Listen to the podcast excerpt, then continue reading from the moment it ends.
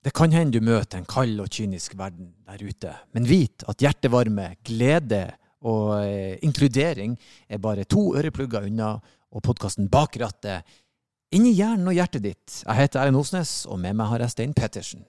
Ja, Gleder du deg til å høre denne episoden? Åh, Den skal høres både én og to og tre og fire ganger. Dagens gjest er altså så legendarisk, Stein. Altså, Han har et etternavn som ikke bare bensinhaug vil rykke til når de hører, men også alle andre haug. Ja, og han eier jo det som må være den ultimate drømmebilen. Ja, og ikke bare har han kjørt den her ultimate drømmebilen på racerbane, men han har flydd høyt i fly med to motorer. Én motor med ingen motorer. Ja, og nå gjør han rett og slett klart for at eh, en ny generasjon med fans av Flåklypa Grand Prix kan spille seg gjennom denne utrolige historien. Ja, vi, vi, altså Dagens gjest er, som kanskje mange allerede har skjønt, Remo Caprino. Og hans nærvær og historie om Il Tempo Gigante altså Bjørvika er vakker, men i dag var hun tre-fire hakk vakrere. Dette var en nydelig episode.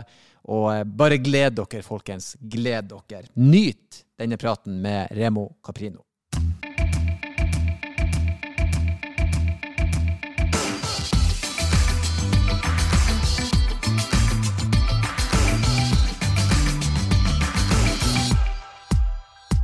Og med det er det en eh, glede å få si hjertelig velkommen til Remo Caprino i studioet vårt eh, her i Gjørvika. Altså, Bak rattet podkast er celebert besøk. Det er så hyggelig. Jeg er Ja, dette er veldig, veldig hyggelig. Velkommen skal du være. Takk Ja, jeg bare for meg også. Ja, jeg, jeg, det er så bra at du syns det. det jeg, har, eh, jeg må nesten bare roe meg litt ned. Jeg bobler over av spørsmål og ideer og tanker og følelser. Og det her er fantastisk. Det er veldig, veldig, jeg er så glad for at du kom. Og for folk som hører på denne podkasten, de, de er på skalaen alt fra ja, delvis interessert i bil til veldig interessert i bil. Jeg vil tro eh, de som er veldig glad i bil, eh, snur på hodet når de så Caprino-navnet, for det er jo en arv der som vi selvfølgelig skal komme inn på en historie. Og, men først og fremst hjertelig velkommen, eh, må jeg si høflig. Og selvfølgelig Stein er også med oss på plass. Hvordan går det? Og jeg stiller alle gjestene det her spørsmålet, hvordan går det? Men faktisk, dere var i en bilkrasj på tur hit til studio. Ja, det stemmer. Eh, Det var heldigvis ikke min skyld. Ja. Men eh, det var en bil som skulle ut av en parkeringsplass, og heldigvis så så jeg den. eh, Så jeg kastet meg til venstre. Eh, det gikk bra. Eh, Jeg har jo hørt historier om enkelte som tar og kolliderer for å eh, bli kjent med folk. Og denne jenta var ganske søt og hyggelig, så jeg hadde håpet det var grunnen, men det var det altså ikke. Hun bare så seg ikke før. Enkelt og greit. Men det gikk bra med, med, med både folk og bil Ja, ja. og det meste? Ja, ja, ingen problem. Ja, ja, men det er i alle fall en start på dagen. Man får litt puls. Jeg har jo kollidert skikkelig en gang. Å ja. Eh, Det var riktignok på eh, scooter. Og da endte jeg på sykehus i tre måneder, bevisstløs. Wow. Og eh, de var jo redd for at jeg skulle bli grønnsak. Heldigvis så gikk det bra. Og etter en mengde med all verdens undersøkelser den gang, så fikk jeg lov til å få sertifikat. Ja. Så du, men det var si, scooter mot bil, da? Og... Nei, jeg sovnet på scooteren Ai, ai, av en eller annen grunn. Eh, Jeg hadde epilepsi som barn, Ja. eh, så det var det jeg måtte senere eh, bevise at Ah, hadde gått over. Det var den de på Ja, Ja, riktig. Ja. Og det som var eh, litt artig, var jo at etter den krasjen så var det tydeligvis et eller annet i hodet som ble rista på plass. Så etter det har jeg ikke hatt det. Hva som skjedde, vet jeg ikke. Det var uventa vending i historien, men eh, tross alt noe positivt kom godt Ja, ja. ut av det. Det er ikke en behandlingsmetode som de har valgt å jeg tror ikke jeg vil ta den en gang til. Nei, jeg skjønner. Det er enkelte som sier at jeg har en skruløs. Det kan jo være greit å ha noe å skylde på, da. Ja, Ja, det må være lov. Det må være lov. Vi, vi er er på å si eh, du, du sa når du var barn og kjørte scooter. Hvordan, hvordan var det? Altså, du, eh, den, tok du, var du en av de som tok sertifikat og førerkort med én gang? Eh, eller venta du samme dag. samme dag, ja. Ja. Hvor tidlig begynte du å øvelseskjøre og prøve deg litt frem? Det husker jeg ikke egentlig. Eh, Jeg tror ikke Den gangen var det jo ikke noe sertifikat. Eller det var et sertifikat, men du behøvde ikke Du måtte bare bevise at du hadde en rett til å kjøre, men jeg tror ikke vi kjørte opp på noen som helst måte.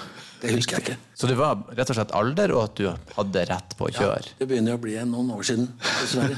Riktig. Kan vi snakke om sånn cirka årstall her? Skal vi se, jeg var 16, så kan du legge 16 til 44. Jeg er 44 årgang. Ja. Så da er vi på 60-tallet, rett og slett. Så da var det bare å møte opp og si 'dette er min scooter', de gir meg en lapp. Jeg valgte en Vespa, for det var den peneste av dem. Men det var sånn, til og med når jeg var, eh, når jeg var 16, så trengte du heller ikke noe annet enn å bare ha en scooter og være 16 år, så kunne du kjøre. Altså, eller moped. En eller annen form for eh, bevis? Nei. Nei, ikke da. Det kom, eh, det kom senere. Det kom nok faktisk ikke før Jeg tror vi er, er langt ut på 80, kanskje inn på nesten eh, opp mot 90, før du måtte ha på mopedførerbevis. Da. da holdt egentlig å være 16 år, så kunne du kjøre, kjøre moped. For så vidt i 94, når jeg kjørte opp til mopedlappen, så var det, da, da hadde vi bare én kjøretime, Da vi fulgte etter en kjørelærer på MC. Gjorde det han gjorde. Og så fikk vi en lapp, vær så god. Og det var alt. Det var ikke noe sånn teori eller noe, egentlig. Du bare Den gangen syns jeg det var altfor sent å ikke kunne kjøre før 16, og i dag syns jeg det er altfor tidlig. Ja, jeg er veldig enig. Ja, nå er det i hvert fall mange timer, fordi dattera mi har akkurat tatt uh, mopedlappen nå. Og at det har kosta 10 000 kroner, har det helt sikkert gjort. Det er ganske mange, mange timer. Vi snakker fort eh, 15 timer med, med kjøring. Pluss at du faktisk må ta teoriprøve hos eh, Biltilsynet. Det er faktisk, Jeg tror det er bedre sånn. Jeg tror også det er tryggere, men eh, det kan jo være et bevis på, da, kanskje, hvis man eh, kjørte scooter og, og sov samtidig. Ja, men det, det, det, hadde jo da sin grunn, Ja. som var, eh, ble ordna. Men det, var, det var mopedlappen. Når du kjørte opp til, Setvik til billappen, var det, det, hvordan fungerte det? Ja, det var vel på 18-årsdagen, det også.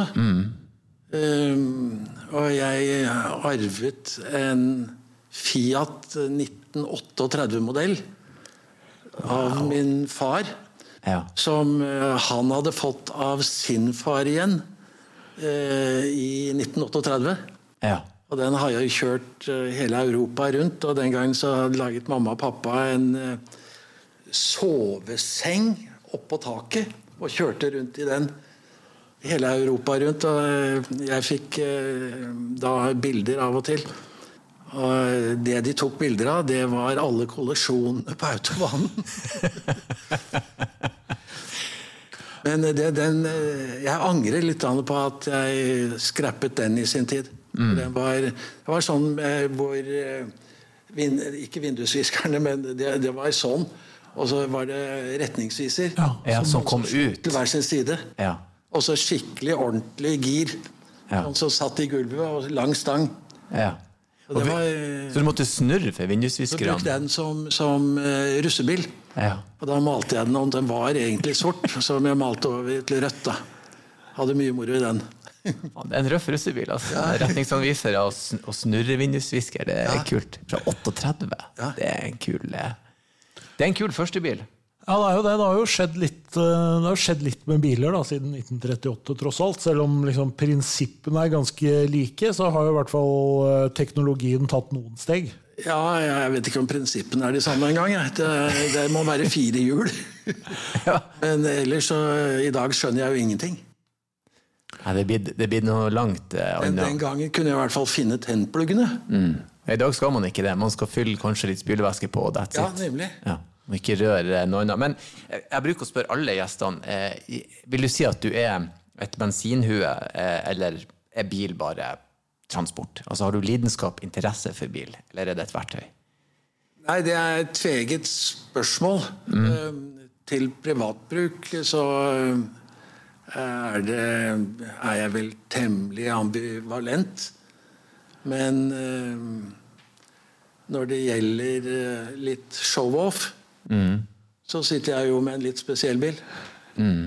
Ok. Det er den du bruker til det daglige?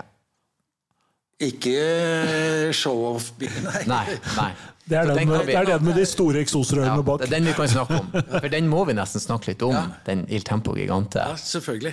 For det er, og det er liksom eh, Og jeg, jeg vet ikke hvordan jeg skal eh, For, for altså Jeg tror Il Tempo Gigante var en sånn film som det første gangen jeg har et minne fra barndommen sjøl, der, der, jeg på en måte Når man begynner å ta opp minnene sine, når man begynner å huske dem. Eh, og den filmen gjorde altså et så uslettelig inntrykk og var så spennende. Og i, i, hvert fall min generasjon, det er jo barndommen vår. Alle. Det, det er ingen, og vi bruker referansene enda. og og Mysil, Bergsprekken, og figurene og fjesene, humoren og spenninga, den er jo så enorm. Og du, og du har den bilen det er, jo, er det jo hver dag og ser på den? Det, jeg tror jeg ville ha sovet i den. For så vidt. Eh, for den står parkert i studio hjemme. Ja, det er kult, det. Ja. Så mm, det er jo eh, De gangene vi får besøk, så eh, er jo det hovedattraksjonen. Ja. Selvfølgelig. Som den er. Ja, det er jo en fantastisk historie, egentlig, fordi den store Il Tempo Gigante, altså live-versjonen, mm. den ble jo ikke påtenkt før etter premieren i 1975. Mm. Um, så satt vi til uh, lunsj og lurte på um, hva vi skulle gjøre av PR for å uh, utvikle dette videre. Så var det en av gutta i studio da, som sa at hvorfor lager vi ikke en stor Il Tempo Gigante? Og da um, sa pappa at uh, god idé, det gjør vi. Ja. Og så uh, leide vi inn en fantastisk italiensk karosserimaker som het Martin Nuzzi. Og han hadde da som utgangspunkt bilen fra filmen, som er halvannen meter stor. Og skulle da opp i en stor kjørbar størrelse. Og den Eh, da var utgangspunktet at eh, målet mellom bakhjulene skulle være 2,5 meter. 2,50 meter og 50. Fordi det er det bredeste som en bil har lov til å kjøre i Norge. Ja. Og eh, da var oppgaven å ta mål på den bilen, filmbilen, og så overføre det i stor størrelse. Og, den kom da inn eh, i studio som flate jernplater og kjørte ut eh, ett år senere som det den er. Og han hadde jo da hjelp av Bjarne Sandemose, som var eh, vår Reodor Felgen mm. i studio. Og har jobbet sammen med oss helt fra pappa begynte med film. Og de andre gutta i studio Jeg var selv ikke med på det da. Mm. Det er jo ikke småtteri. Den er 6,5 meter lang. Ja. Veier 3,5 tonn. Um, på en bilutstilling i er Bygget på en ramme. Eh, Cadillac Eldorado sykebilramme. Og um, under en bilutstilling i Genéve så var det Nikki Lauda som eh, ble veldig opptatt av bilen og tittet ned i motorrommet og så den opprinnelige Cadillac-motoren og sa det går ikke an at denne bilen skal kjøre med en sånn motor. Så han ringte over til eh, Chevrolet og fikk tak i en 454 Big Block. Mm. Eh, Åttesylindret. Eh, 7,8 liter. Eh, og eh, den ble da satt inn. Eh, og den har jo utrolig nok med 3,5 tonn i vekt kjørt på Nürnbergring med datidens Emerson, eh, eh, datidens Hamilton, ja. nemlig Emerson Fittipaldi bak rattet. Oh. Og han sa at den kunne ha gått litt fortere, men gudstroen min er ikke stor nok. Her er, her er, så mye sånn, eh, sånn ståpelsøyeblikk. Se på armene mine her. Nikki Laude finner ut at det må større motor til. Fittipaldi bare sånn, kjør den rundt Nürnberg. Det er jo helt ellevilt. Jeg har selv kjørt den i 110 eh, på um, Rudskogen. Og det er mer enn fort nok. eh, vesentligste grunnen er egentlig at det er de gamle bremsene fremdeles. Ja. Mm. Og når du da, Hvis du kjenner Rudskogen, så har du den der utforkjøringen, og nederst er det en 180 graders sving. Opp igjen. Og hvis du mister bremsene der, ikke klarer å ha vært litt for ivrig på fart på forhånd, som du lett gjør for Vi skulle da ha mestermøte mellom Königsegg og Il Tempo Gigante. Det er en liten sidehistorie, fordi at eh, Christian von Königsegg, som er blitt en god venn, han fikk jo sin inspirasjon til å bygge racerbiler etter å ha sett som åtteåring eh, den Flåklypa Grand Prix-filmen. Ja. Så det er litt annet morsomt. Nei, så um, den, um, Etter det så har jeg da satt inn også automatgir på den. Eh, og grunnen er at den vesentligste bruken Jeg bruker den jo bare i PR-sammenheng. Hadde jeg misbrukt den til å ragge damer med, så hadde jeg mistet de skiltene veldig fort. Den, går, den har BL 50 000. Ja. Ja. Men det er eh, med visse forbehold at jeg ikke misbruker den. Den, den er ikke på EU-kontroll annethvert år? For si Ikke det nå sånn. lenger, men Nei, eh, vi var. Ja. Ja. Ja, Det er to år siden, så eh, var den gammel nok, tror jeg. Ja. Jeg brukte den, brukte den jo da mest i, i profesjonell sammenheng. Og mye av det er i parader hvor vi skal kjøre langsomt rundt. Og det var jo altså 7,5 kilos trykk på kløtsjen. Og når du sitter hele tiden og filer på den kløtsjen, så tok det jo ikke mer enn fem minutter før eh, krampen begynte å komme. Eh, og det gikk jo selvfølgelig utover andre ting også. Nei, det er jo massevis av historier rundt Il Tempo Gigante. Blant annet eh, Jeg husker en gang eh, vi skulle kjøre noen som hadde vunnet en pris, nemlig å få sitte på Il Tempo Gigante. Og, eh, da kjører vi gjerne fra studio på Snarja til Fornebu og tilbake igjen. Og plutselig under det hele, utenfor Telenor-bygget, så sier det pang. Så var det krysset, er ikke det det heter, som røk. I drivaksjer. Ja. Og eh, da kjører du ikke en bil lenger. Og dette var ved firetiden hvor uh, trafikken begynner. Og jeg ventet jo bare på fingeren. Istedenfor folk jublet. De kom bort, stoppet bilene, kom bort og tok bilder. Og eh, de klappet, og det var bare moro. Det ble en hyggelig historie istedenfor. Jeg tror jo at jeg også ville hatt eh, litt større toleranse hvis det var Il Tempo Gigante som lagde Jeg hadde ikke brydd meg hvis den lagde kø. Det går helt fint. Jeg kan vente. Det er en ikone. Men det er jo litt artig at den eh, har en sånn rikis. Den er jo nærmest blitt verdenskjent. Da. Det er jo mange store Ja, altså Den har jo reist uh, veldig langt. Den har vært uh, faktisk i Tokyo. Da hadde filmen premiere i, på 72 kinoer samtidig. Ja. Og mm, den vekker jo eh, stor oppmerksomhet uansett hvor i verden vi er. Jeg har Fra den samme eh, utstillingen i Genéve som jeg nevnte tidligere, så har vi et bilde hvor eh, du ser hele hallen. Il Tempo Gigante står i midten og er omkranset av Maseratier og andre flotte biler. Alle menneskene står rundt Il Tempo Gigante.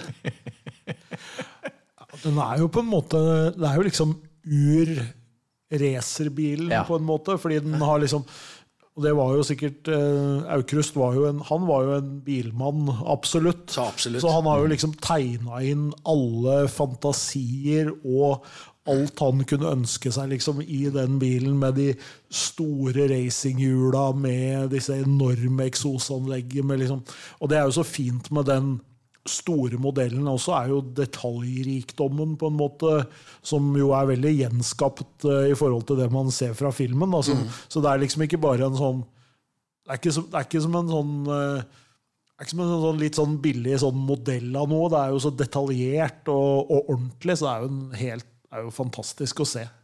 Det eneste som eh, bilsakkyndige ikke godkjente, er to ting. Det ene var skjermer på bakhjulene, eh, ble det krevet. Ja. Og når jeg ser den store liveversjonen i dag mot filmbilen, så jeg angrer jeg litt på at vi ikke hadde skjermer på. Jeg syns, syns det ser veldig lekkert ut. Men da hadde vi ikke kunnet hatt håndbremsen. Ja. Så, så eh, logisk så hadde det ikke gått. Men jeg syns skjermene er veldig pene på selve bilen. Det andre som ikke ble godkjent, det var eh, å bruke Reodors seler som eh, bukseseler som sikkerhetsseler. Jeg tenker jo at med, med såpass dårlige bremser da, som det er på en gammel Cadillac ambulanse, tross alt, så er det vel greit. Det er tross alt bedre enn om du skulle sitte med, med håndbrems på hjulet, vil jeg tro. Garantert. Nei, det, er en, det er en ikonisk bil. Også. Det, er liksom, det er liksom bare det uttrykket med den eh, som jeg syns er så eh, fint. For når du ser den, så tenker du det er en rask bil. Den har liksom alle de attributtene som du tillegger en rask bil. Du ser brutal, han er svær, brautende, men så er det så artig med alle detaljene. Det er et fantastisk kjøretøy. Det er en veldig artig historie. Og jeg mener at jeg så en dokumentar eller et innslag om når den ble bygga når jeg var liten. Og da at de, visste hvilken bil de bygde den på, og at de fikk den godkjent, og at de kjørte den mange, mange år siden jeg så det innslaget, men jeg mener jeg så det. Men det var, jeg visste ikke alle disse detaljene. Det var helt fantastisk. At, mm. at Lauda krevde ny motor, det er jo helt nydelig. Det er noe av det kuleste. Men det her går ikke. Jeg, jeg tror faktisk vi var de første i verden som hadde ryggekamera. Jeg vet ikke om det fantes, jeg har prøvd å undersøke, men jeg har ikke funnet noen annen bilmodell som skal er ha hatt det. Og grunnen til at uh, vi gjorde det, var fordi uh, vi fikk ikke lov å sette sladrespeil sladrespeil på den, fordi da hadde den blitt for bred. Eh, Så da laget vi et sort-hvitt kamera den gangen. Så den har ikke speil, Nei. vanlig speil? Nei. Det er jo helt fantastisk. Så det var faktisk ryggekamera på Ja. den den gang da. 1976. Ja. Det er jo banebrytende. Ja, det er litt artig. Ja, det må jeg si. Det, ja, det er ikke bare litt artig, jeg syns det er veldig kult at de liksom Nei, vi må ha et kamera, vi må se. Svart-hvitt-skjerm inn i bilen. For den har jo vært, og den har jo selvfølgelig vært viktig for på en måte den, ja, som du sier da, PR og promotering av filmen også. Så, så det, var jo, det var jo en genial idé da, å bygge faktisk en, en Helt. fullskala. Ja, det var øh, øh, veldig øh, god idé. Og at eh, pappa, som alltid har vært eh, interessert i å gjøre nye ting, og på en god måte, eh, han hoppet jo rett på ideen. Den, den bilen ble jo også på mange måter en karakter i filmen. Liksom. Det var ikke bare en bil, det var liksom en, en vital del av det. det er, fra min barndom så husker jeg godt sånn som den Herbie, den folkevogna som hadde personlighet, som kjørte rundt, der bilen ble stjerna. Men sånn var det jo med Tempo Gigante òg. Og når man hadde lekebiler, så hadde jeg liksom, jeg hadde den og så konkurrerte jeg mot ordentlige Formel 1-biler, men det var jo alltid Il Tempo som skulle vinne. Det lå jo i I dag er han jo hovedpersonen igjen, Ja. i forbindelse med at vi lager eh, et nytt eh, dataspill. Ja, for det må vi snakke om. Ja. Det kommer dataspill der du kjører og styrer. Ja, denne gangen, så, eller forrige gang, eh, så hadde vi et top down-bilde når du kjørte. Nå kan du selv sitte bak rattet og kjøre. Og du kan eh, Det er jo den moderne teknologien. Det har jo skjedd eh, innenfor datateknologi så har det jo skjedd i hvert fall tre revolusjoner siden 2000. Ja, For det var da det forrige spillet kom. Ja. Så um, nå er uh, alt i 3D, altså ikke med briller. Selv om den gangen så hadde vi faktisk også et innslag med briller. Um, men nå kan du da selv oppleve magasuget. Og du kan også Vi har en egen del i, i spillet som uh, er, vi kaller story mode. Hvor du faktisk Vi veksler mellom eh, filmen og at du kjører selv. Eh, og hvis du da er dyktig nok, så klarer du når eh, Blodstrupmoen eh, bruker sine dirty tricks med tåkeleggingen og klar, Da klarer du faktisk eh, å kjøre forbi, om du er dyktig nok, eh, og vinne. Eh, Det er en idé som kom faktisk etter at vi hadde begynt med spillet. Men eh, Filminstituttet syntes det var en så morsom idé at de spanderte den ekstra omkostningen det var. Men for deg da, som har jobbet med film store deler av livet, på en måte, hvordan, eh, hvordan sammenligner du det med å lage et uh, spill sånn som, sånn som nå? Ja, det er jo veldig annerledes på én måte. Uh, veldig annerledes. Mens på en annen måte så er jo altså, Utgangspunktet er jo det samme. Lage visuelle opplevelser med god lyd. Og pappa hadde, fikk meg i sin tid til å love at uh, Remo, husk én ting. Uh, aldri kompromiss med kvalitet. Uh, og så holdt han en liten kunstpause, og så sa han at men husk også at du ble aldri rik på det. og, og det har jo sikkert vært mange forslag og tilbud opp gjennom, opp, opp gjennom fra, fra, det, fra, bilen, eller fra filmen ble laget og fram til nå om ulike produkter og ting som man helt sikkert kunne vært fristet til å gjøre for pengene sin del. Men dere har jo vært veldig flinke til å ta vare på si, den unike arven som det har vært. Jeg, jeg, jeg, jeg, tror vi har vært flinke på det og har fått ros for det.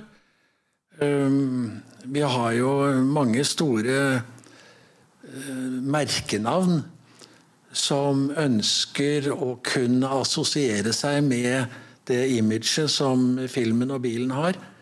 Uh, der vi er temmelig restriktive. Fordi hvis vi Altså, bilen skal ikke tilhøre et annet merkenavn. Det er jo en, en merkevare som er helt altså, Jeg ble så glad når jeg hørte du skulle komme. bare altså, det, er jo, det er jo den! Sant? Det er jo liksom det som banker inn. Det ja. som jeg syns er så gøy, er at som far sjøl med barn, når jeg vet at nå er de gamle nok til at vi kan sette oss ned og se Flåklypa, mm. og de er, er, med i den, og se på øynene deres når de blir store, og når de Altså, Dattera mi sitter og gjemmer seg ikke sant, når de kommer og skal sabotere bilen på kveldstid, og det er spennende. Og når de vinner, og når asfalten krøller seg. Jeg får frysninger sjøl på armene nå, for ungene mine blir sånn Og alle reagerer likt. Så jeg er sånn ah, Herregud, liksom. Og så er det etterpå å springe rundt og leke racerbil og være akkurat som seg sjøl gjorde. Og det er så gøy å vite at dette kan jeg gi de videre. Mm. Og nå ikke sant, med spillet, nå kan vi sette oss ned og gjøre det i lag med spillet. Og det er liksom det er noe helt eget. Så jeg, jeg, ville, jeg, ville, jeg, bruker å kjøre Cindy, men har jeg sett den, så har jeg kanskje fiska frem kamera og tenkt at her må, her må jeg ha et bilde. ja, hadde, hadde, folk for 50 år siden fortalt meg at jeg skulle sitte og jobbe med dette, eh, den filmen og spillene 50 år senere, så hadde jeg sagt de var gale. Hei, folkens. Det er han Erlend igjen som bare smetter inn før dere får lov å ta fatt på episoden. Jeg og Stein snakker ofte om showrommet Bertil Osten i Bjørvika, her vi har podkaststudioet vårt. Og jeg skal bare si at dere kan komme og besøke oss. Ja, Her eh, finner du jo de ulike merkene. Akkurat nå i oktober så er det Mercedes som er her. Og hvis du har lyst til å se en insane luksus elbil, så står EQS fra Mercedes eh, her nede. Så det er jo bare å stikke inn, sitte i bilen og få vite litt mer. Ja. Jeg og Stein har allerede testa ut nybillukta, og den var meget høy klasse over. Og kanskje til og med er jeg og Stein her og spiller en podkast når du stikker innom. Så gjør gjerne det. Kom og besøk oss. Skal vi, skal vi prøve å, å, snakke litt om eh, andre biler? Eh, hvis, hvis, vi skal prøve å finne ut ditt forhold til bil, bortsett fra det, da, og så skal vi prøve å gjette hvilken bil du kjører. Det skal jeg si fra om når vi begynner med det. Okay. Eh, vi, vi, du kjørte Jeg har en liten historie som jeg syns ja. er uh, spesiell. Vi var i Danmark og sto um, på utstilling utenfor tivoli uh, i sin tid. Og um, alle ønsker jo å få lov å sitte i bilen eller få en kjøretur. Og der var det også flere som hadde vunnet en tur. Og etter at vi var ferdig, så kommer det et ektepar bort til meg hvor mannen sier at du, Min kone har så lyst til å få lov å få en tur i bilen. Er det noen mulighet? Så sier jeg dessverre det er ikke én rundt her nå som ikke ønsker å få en slik tur. Så jeg, jeg, må si nei til alle og være rettferdig. Og så sier, sier han til konen sin at du, vær snill å ta av deg jakken. Og så sier, gjør hun det. Og på hele ryggen har hun tatovert superrettometerfordeleren. Hun fikk en kjøretur. Ja, da får du en kjøretur. Ai, ai, ai. Da får du en kjøretur. Det er galskap. Ja, det er galskap. Det er veldig, veldig gøy. Det er vanskelig å si nei da. Ja, Da kan du nesten ikke si nei. Nei. Da kan du vise de andre så enn jeg ser hun var på ryggen. Alvorlig talt. Eh, hun får en kjøretur. Ja. Ja, Da er du fan, altså. Ja. Fantastisk. Ja, det er fantastisk. Det er fantastisk. Men eh, du kjørte opp til scooter når du var 16, bil når du var 18. Du hadde en, en Fiat fra 1938. Eh, hvordan altså Bil for deg, i, i, er det ren transport, eller bruker du den til noe mer? Nei, det er mest eh, transport. Jeg kan jo si det på den måten at den bilen jeg har i dag, den er leaset og har kjørt 11 000 på de tre årene. Ja, da Ja, det er greit. Det, det er ikke så veldig mye. Så det, det er å si Hvordan er bilen ellers? Sånn, du bruker den ikke så mye, men eh, hvordan ser det ut i den? Er det, vel, er det alltid veldig ryddig der, eller er du en som på en måte Kan han være litt både skitten inni og uti? Jeg vasker ikke bilen hver uke. Nei. Jeg eh, vasker den når jeg mener det er nødvendig. Men da tar du, når du ser at nå trengs det, så tar du tak, sånn at den Ja. er ryddig og Og jeg har jo også sluttet å vaske selv, da. Ja. På samme måte som også skifte bildekk. ja. Um, Det har jo dels med alder å gjøre. Ja, men du er altså, da er du egentlig i godt selskap. De aller fleste her de legger ikke om dekk sjøl, og de leverer den på en bilvask. Så, eller kjører den gjennom en maskin, og så er det liksom ferdig med, med den eh, greia. Men eh, å si, har du vært noe sånn glad i å skru på bil? Eh, har du drevet og fiksa ting sjøl, eller er du en handyman når du kommer til bil? Nei, overhodet ikke. Hvis du, hvis du ser eh, inni en motor i dag, så eh, det er jo bare en stor blokk. Ja, vi var inne på det i sted. Det, det, det er ei blokk, og så er det blått lokk. Der kan du ha spylevæske, og så skal ikke du røre noe.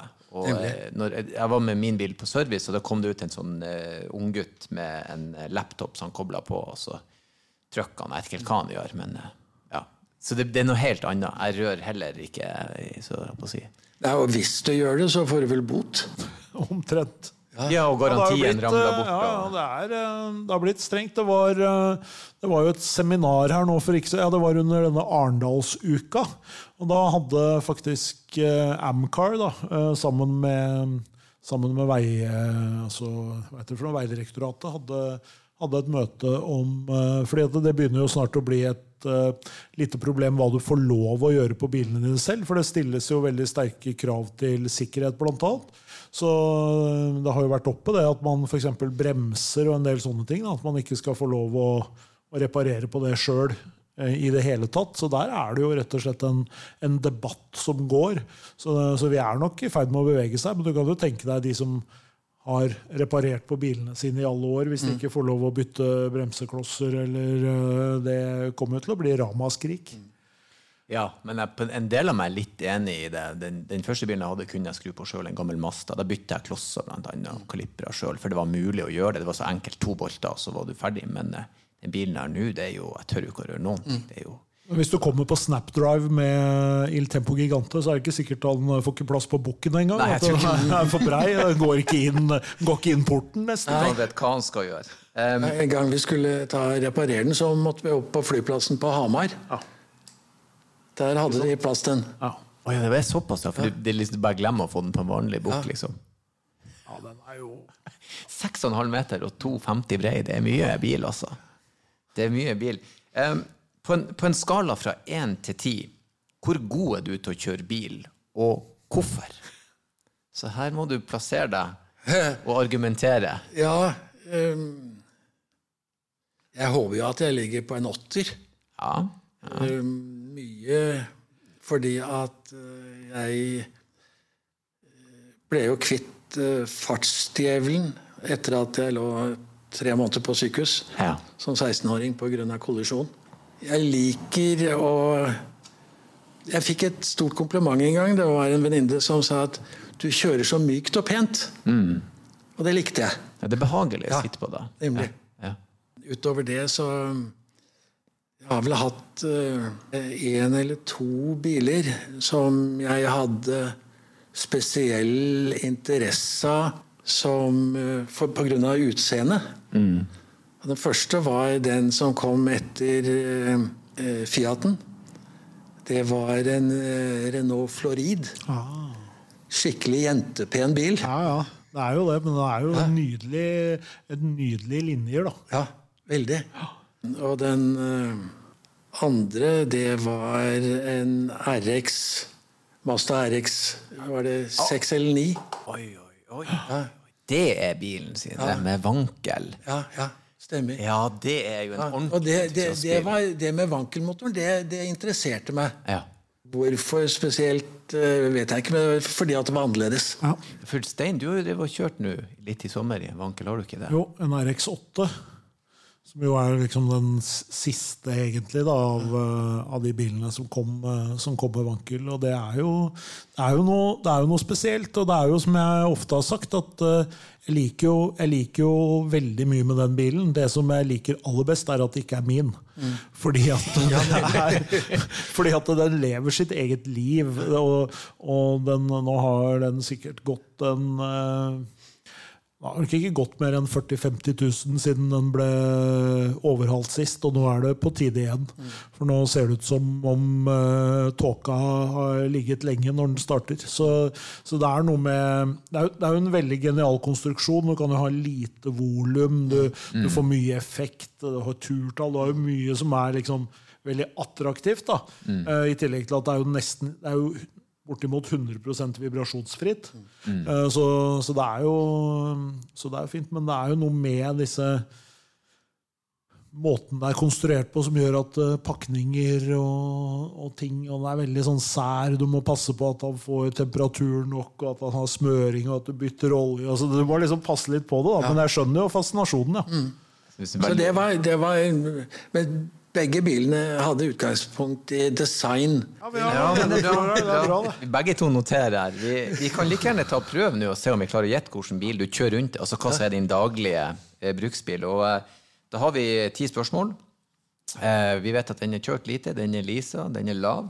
Jeg vil kanskje tro den er sportslig. Du liker fint design, så eh, jeg skal bruke det også som et lite hint. Eh, Stein, som alltid, så byr jeg deg muligheten til å stille første spørsmål.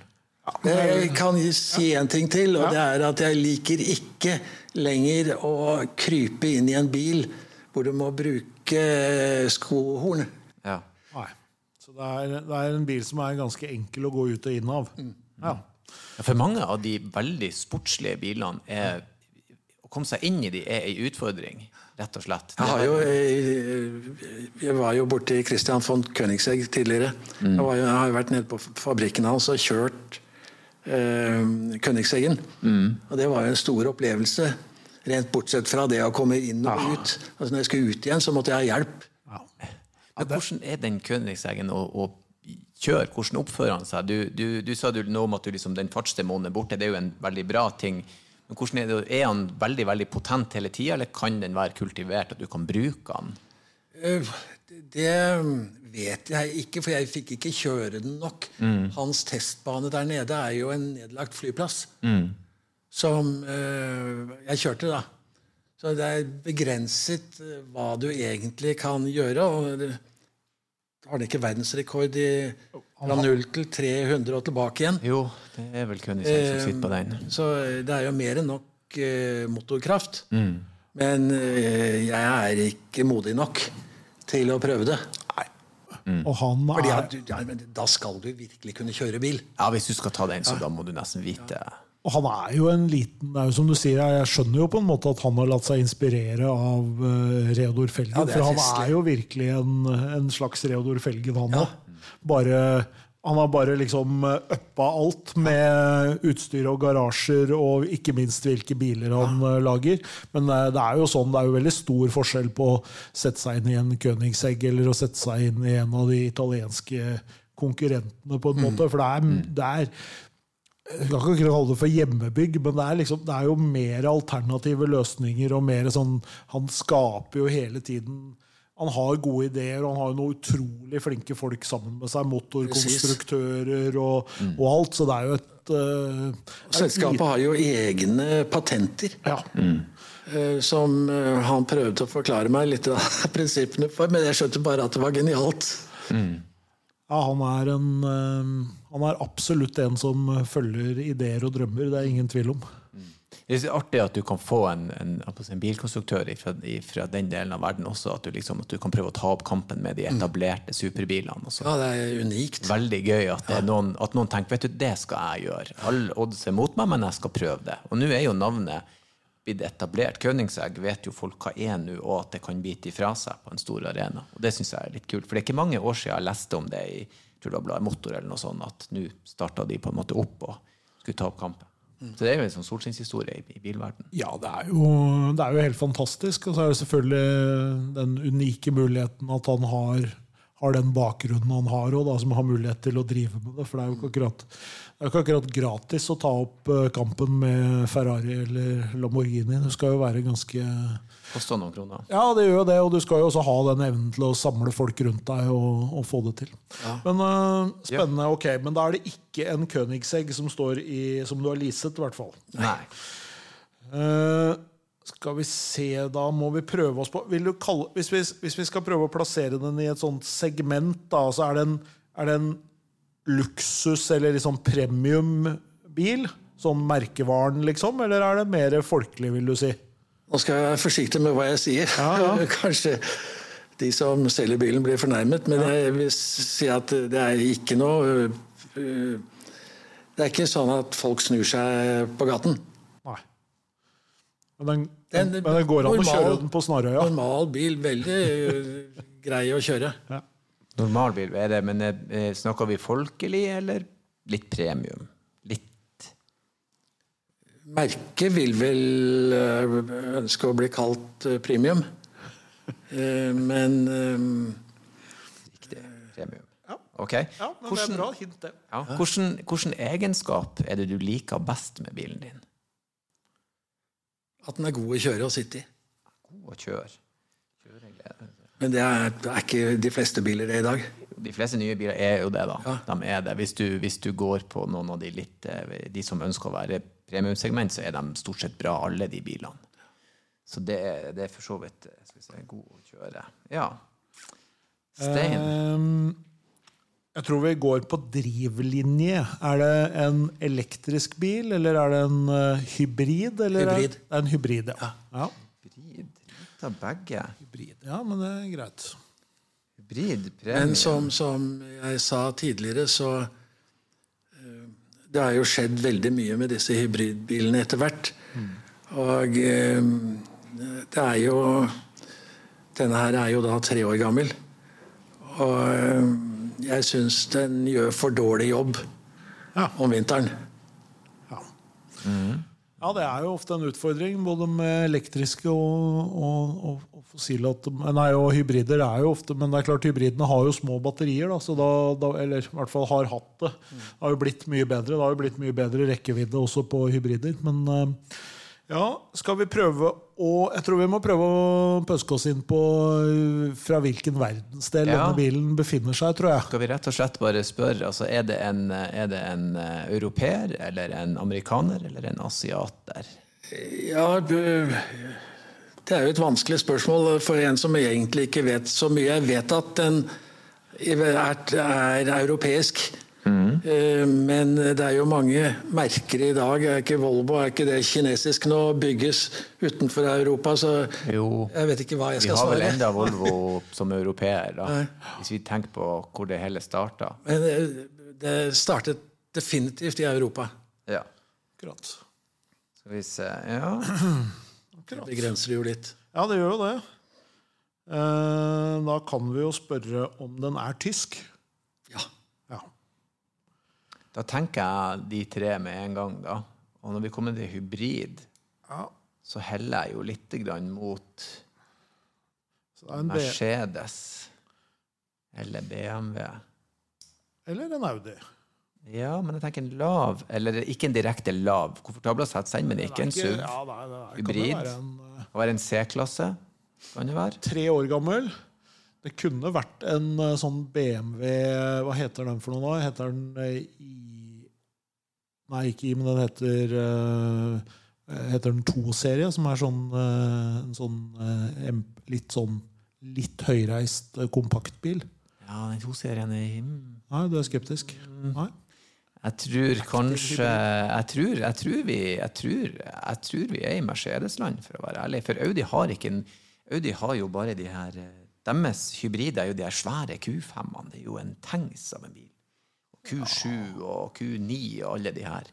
Så eh, hvis vi har en litt mer slick Rick der, så vet jeg om A6-en er med hybrid.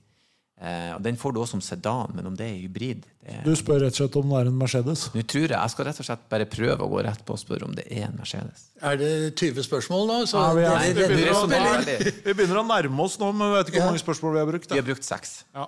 Ok. Da, Hvis det er 20 spørsmål, så har dere god tid igjen. ja, ja, nei, vi er, Nei, det er eh, ikke en Mercedes. Ikke Mercedes. Jeg tror det er en BMW. Spør du? Ja, jeg sier er en BMW. Ja. Ja.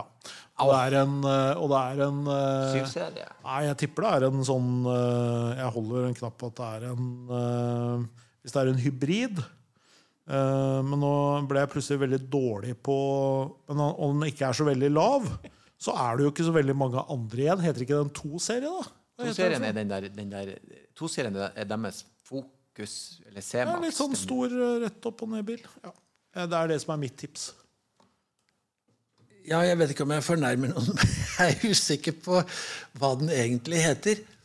Eh, Men, men eh, det, det kan jo ikke være så mange. Eh, Min kone har en I3. Ja, akkurat. Men den ligner det, den den er er jo elektrisk. Ja. Og dette her er størrelsen over.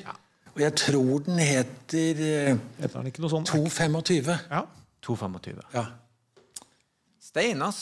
Du treffer hver gang nå for tida. Jeg er god nå. Traff forrige traff. Nå ler han litt på meg, Stein. Men ok, kudos til Stein.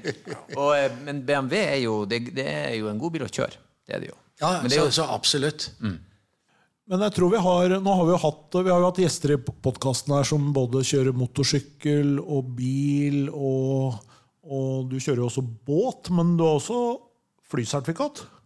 Eller har hatt, i hvert fall. Ja, eh, takket være at eh, den kollisjonen i sin tid eh, rista ting på plass, så fikk jeg lov til å ta et eh, flysertifikat. Der hvor jeg bor, jeg er tredje generasjon på den eiendommen som eh, jeg bor på, på Snarja.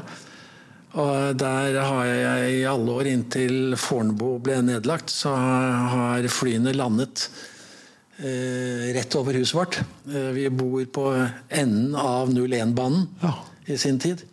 Så eh, jeg likte det følelsen av å fly er nesten like stor som den å dykke. Jeg har også dykkesertifikat. Eh, og eh, da jeg fikk mulighet i sin tid, så kjøpte jeg en eh, Cessna 310.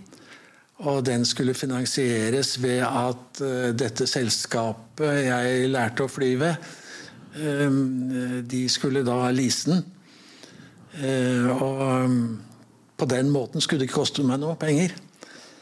Etter hvert så viste jo det seg å ikke helt stemme. Men og jeg regnet ut senere at nesten har leiet en Learjet med bunnies og gratis champagne for, For den Cessna. for, for, det, den, for det flyet egentlig kostet meg. Jeg, jeg solgte det til slutt, da. En, en, jeg hadde store opplevelser. Jeg tok jo mm, med flyet. Jeg syns det var eh, utrolig morsomt. Eh, mer enn bil. Eh, og fløy sammen med barna og to barn og mm, kone til eh, Legoland, til Paris, til London osv. osv. Fantastisk. Um, og så skjedde det noe på en, etter en tur Jeg hadde en forretningstur jeg hadde til eh, Bergen. Hvor jeg hadde vært på et møte i noen timer. Og flyr hjem på natten i VFR-forhold, men på instrument. da. Og over Gaus- Gaustatoppen så skjer det som eh, ikke skal skje, men eh, som du er grunnen til at du har et tomotorsertifikat, er at du har bevist at du kan fly på én motor. Og mm, jeg trimmet opp eh, Jeg fedret ikke, for jeg klarte å holde høyden. Og så skjer jo det som overhodet ikke skal skje, og som ikke står i læreboka engang, nemlig motor 2 kuttet også. Og plutselig så var hun altså seilfull midt på natta oh. eh, over Gaustatoppen. Eh, og jeg husker jeg sa til meg selv sånn, mumlet til meg selv Fy faen, Remo. Og, eh, men jeg, jeg skjønte jo øyeblikkelig at her må det være en fellesnevner. Så eh, fellesnevneren er jo drivstoffet. Og på en Cessna 310 så har du inngangsdøren på høyre side. Du sitter som pilot, sitter du i venstre side sete. Og mellom på gulvet, idiotisk nok, er tankvelgeren. Og så hadde jeg kommet borti den. Men jeg følger alltid eh, sjekklisten, var veldig nøye på det. Men jeg hadde jo landet bare en, noen timer tidligere. Hvor jeg visste at jeg hadde landet på eh, hoved, eller hovedtankene. Og det er sånne tipptanker på siden. Eh, veldig lekkert. Og eh, Så eh, jeg klarte da Eller først kalte jeg opp Fornebu, da. Og ga en mayday, mayday. Og fikk beskjed om at eh, jeg kunne fly da direkte inn. Jeg skulle egentlig fly via Drammen opp. eh, men eh, fikk eh, Og så fikk jeg startet begge motorene igjen. Sa ikke det til eh, tårnet at jeg hadde mistet begge motorene. Eh, men de sa da at eh, helt greit, eh, Lima Foxtrot Bravo. Ja, eh, bare gå rett på eh, flyplassen. For vi har, nå har vi satt i gang hele greia. greia. Så jeg landet på Fornebu med sykebiler og brannbiler på hver sin side. Og var egentlig kjempestolt, men uh, da jeg kom hjem, så fikk jeg kjeft av min kone. Naturlig nok. Og siden det så fløy jeg aldri alene. Ja. Eh, Jeg hadde alltid med meg, særlig eh, når du har familien med deg. Eh, Skal du fly et SAS-fly eller hvilket som helst annet kommersielt fly, og du vet at det sitter bare én person som egentlig ikke er dyktig til å fly foran, så hadde du ikke gjort, satt deg inn i det flyet. Nei. Og jeg tok med meg familien min og gjorde det. Det var galskap. Ja. Og den gangen så var det ikke krav om mer enn 20 timer flytid i året for å beholde sertifikatet. Mm. Det var jo heller ikke bra nok. Så, mm, men eh, jeg hadde flyet en stund etterpå, da. Eh, Men fant jo ut da etter hvert at jeg må dette bli for dyrt. Det må jeg si. Det er først en mot så den andre. bare, Oi, shit. Da er gode råd dyr, ass. Når du Ja, jeg, er ganske kald, da. Kald, da. Kalkulerende. ja, og det var jo det jeg var stolt over. Ja, ja, jeg at jeg klarte å håndtere den situasjonen. Ja, ja, ja. Ja, men Ja, fantastisk. men, eh, Fantastisk. Um, jeg har, jeg har Det har vært en sånn utrolig glede å ha deg på besøk her. Jeg vet ikke om det er noe mer du ønsker vi skal snakke om før vi begynner å avslutte. Jeg har, jeg har fått historier som jeg aldri hadde trodd jeg skulle få. Det Helt fantastisk. Helt nydelig. Jeg har altså kosa meg så eh, Det er ganske utrolig. Hvor mange land eh, er eh, Flåklypa Grand Prix distribuert i? Den er dubbet til 13 språk. Ja. Akkurat. Og da dekker du jo en del land Ja. med de språkene. Ja. 13 språk. Men det, er- det, er- det, er- det er jo Den største suksessen er jo i Norge, selvfølgelig, og i Danmark. Når er spillet på, på plass? Ja, 4. november er uh, satt dato. Så da kommer den ut på PC og Nintendo Switch. Så det blir veldig spennende. Senere kommer det også på mm, Mac. Du, Det gleder jeg meg til. Er jeg, er veldig glad for at jeg har kjøpt en Nintendo Switch til eh, min datter. Da kan, Ja, jeg, da kan, jeg, Switch, da kan jeg teste. Og så har jeg vel så har jeg sånn streamkonto, så jeg kan eh, kjøre det på PC-en. Jeg kommer nok til å gjøre det, tenker jeg. ja, jeg tror nok vi blir nødt til det også. Ja, de kommer jo i, i mm, fysisk utgave også. Sånn at du kan kjøpe esken. Ja, bare, men 4. november, da kan lyttere få med seg det her. Ja, men Det er kjempebra. Igjen, tusen hjertelig takk for at du kom innom og satte så stor pris på det. Vi har Ja, storkost dette oss var, gikk virkelig. veldig bra, syns jeg. Ja, Det var helt nydelig. Tusen hjertelig takk for at du kom, og, og som alltid så bruker jeg å avslutte med å si kjør forsiktig. Ja, det gjør jeg. Og takk selv.